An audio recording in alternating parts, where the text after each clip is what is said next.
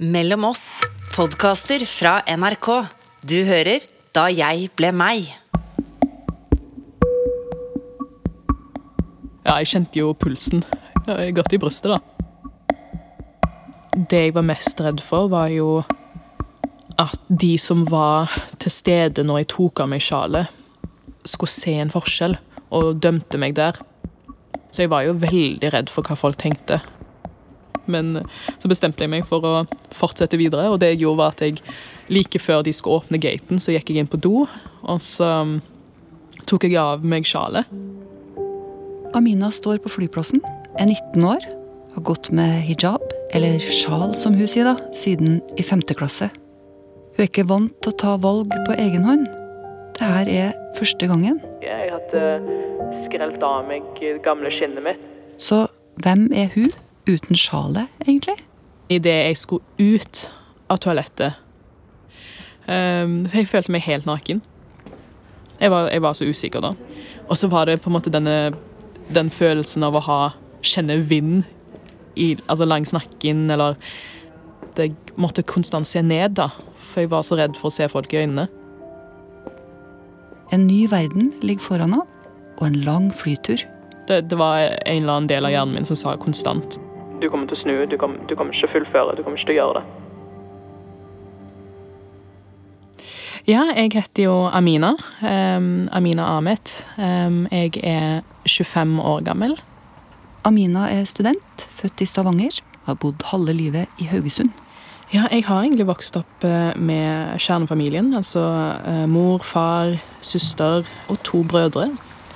Um, far pleide å ta oss med ut på sykkeltur. Uh, og det gjorde vi i Haugesund, og det er jo en veldig liten by. Sant? Så, um, veldig koselig by, og der du kjenner på en måte folk, og der du kan hilse på folk når du sykler forbi dem og sånt. Så, uh, så det var en sånn trygghet at det var én fast ting vi skulle gjøre hver eneste uke, hver eneste helg.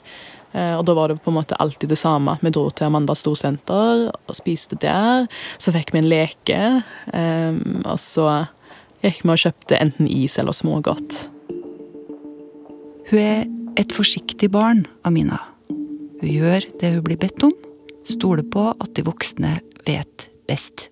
Men på videregående så begynner det her å bli vanskelig for henne det var så mange ting som jeg hadde blitt fortalt om å gjøre. Og jeg var kanskje ikke det mest bestemte barn heller. Men jeg var jo veldig eh, usikker på meg sjøl. Jeg var veldig usikker på hva, hva livet ville ha for meg sjøl. Alt jeg hadde gjort frem til da, var ting jeg hadde blitt fortalt om å gjøre. Alt var liksom kartlagt for meg. Um, og ble konstant kartlagt. sant? Det var én kilde som kunne gjøre meg rolig, der jeg fikk fred og harmoni og litt stillhet, egentlig. Der jeg kunne på en måte bare være den jeg er. Um, og det var nærværet av dyr. Jeg gikk Etter skolen så gikk jeg direkte til kaninen min. og så bare satt, Eller jeg lå der rett ved siden av kaninen, og så lå bare kaninen der. Og så bare husker jeg at jeg observerte kaninen, egentlig. Eh, og da kjentes det nesten ut som om det var kun meg og kaninen som var der. Um, og jeg tror nok det er bare den tilværelsen der du på en måte ikke blir dømt av noen. Um, der du ikke trenger å tenke på at du blir dømt for den, den du er, den, det du gjør, det du har gjort. Um, det er bare to skapninger som bare ligger der, i stillhet. Amina vet hva som virker mot den uroa og usikkerheten hun kjenner på. Snart så skal hun bestemme seg for å reise langt for å jobbe med dyr. Det er på tide å ta et eget valg. Mor hadde jo forsøkt å overbevise meg om å ikke dra til Australia. Um, til og med den dagen når jeg skulle forlate huset. Jeg skulle ut døren, og da sa hun en siste gang til meg Vær så snill, bli. Så jeg, det, det satt jo litt i tankene mine når jeg sto um, med gaten på flyplassen. Du kommer til å snu, du, kom, du kommer ikke til å fullføre, du kommer ikke til å gjøre det. Da husker jeg at jeg måtte uh, tenke til meg sjøl at nå skjer det. Nå er hun altså på vei bort. Hun har tatt det kanskje viktigste valget i livet. Etter ni år med hijab, så har hun tatt den av. På doen. På flyplassen. Men idet jeg skulle ut av toalettet det, det var så mange følelser og så mange Det var så mye stimuli, rett og slett. Jeg ble litt uh, overvelda. Og at du på en måte føler Det er en sånn helt annen fysisk følelse òg. Følte meg helt naken. Altså, hvordan klarer folk å eh, på en måte holde Eller er det ikke ubehagelig for folk å ha all den luften i håret, eller inn i ørene og langs Altså, ja, nakken spesielt. Jeg får, gå, jeg får ofte gåsehud eh, langs nakken fordi jeg bare syns den følelsen er litt ubehagelig. Men eh, Og så ble jeg jo litt, eh, ble jo litt sånn paranoid, da. Så tenkte jeg jo at folk stirrer, og han her har sikkert sett meg gå inn på toalettet med sjal og komme ut uten.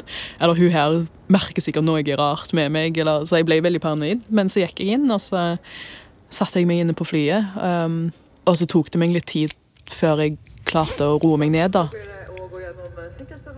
Amina har vært redd for å ta valg, for hun kunne jo komme til å velge feil.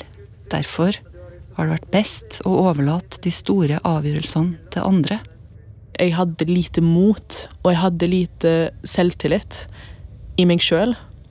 Um, ehm, og jeg tror nok når du har lite selvtillit i deg sjøl, så, så, tør du ikke å ta et valg. For det er enklere å fraskrive seg det valget enn å feile på noe. Jeg tok aldri et valg. Jeg, ville, jeg bare ville ikke feile. Um, så jeg gjorde gjerne jeg var, jeg var veldig livløs, da.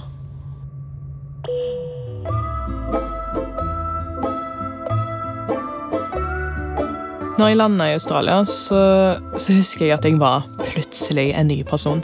Um, og der og da så var det bare en veldig sterk følelse av at jeg var et nytt menneske. Jeg hadde skrelt av meg gamle skinnet mitt, som holdt på å falle fra hverandre uansett.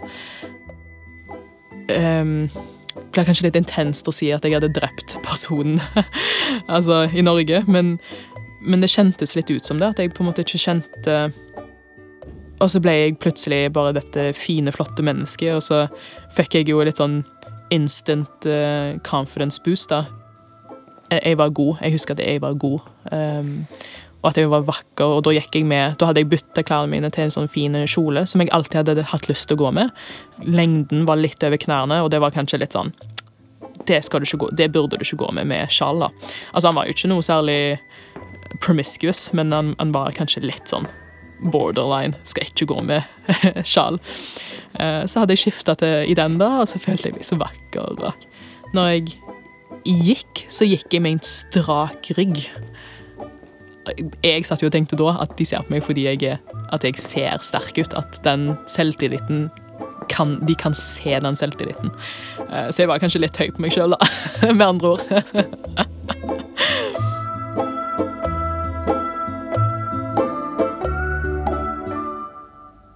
Jeg tror ikke jeg noen gang har kjent på den sterke, intense følelsen siden.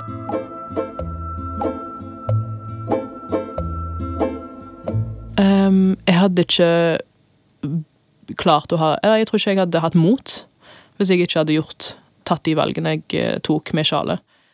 Uh, jeg hadde vært veldig redd, tror jeg. Så jeg ser for meg en, et barn som kanskje er litt sånn Som ser nedover Eh, med en krum rygg og en, en håpløs forventning om fremtiden og verden og mennesket rundt meg.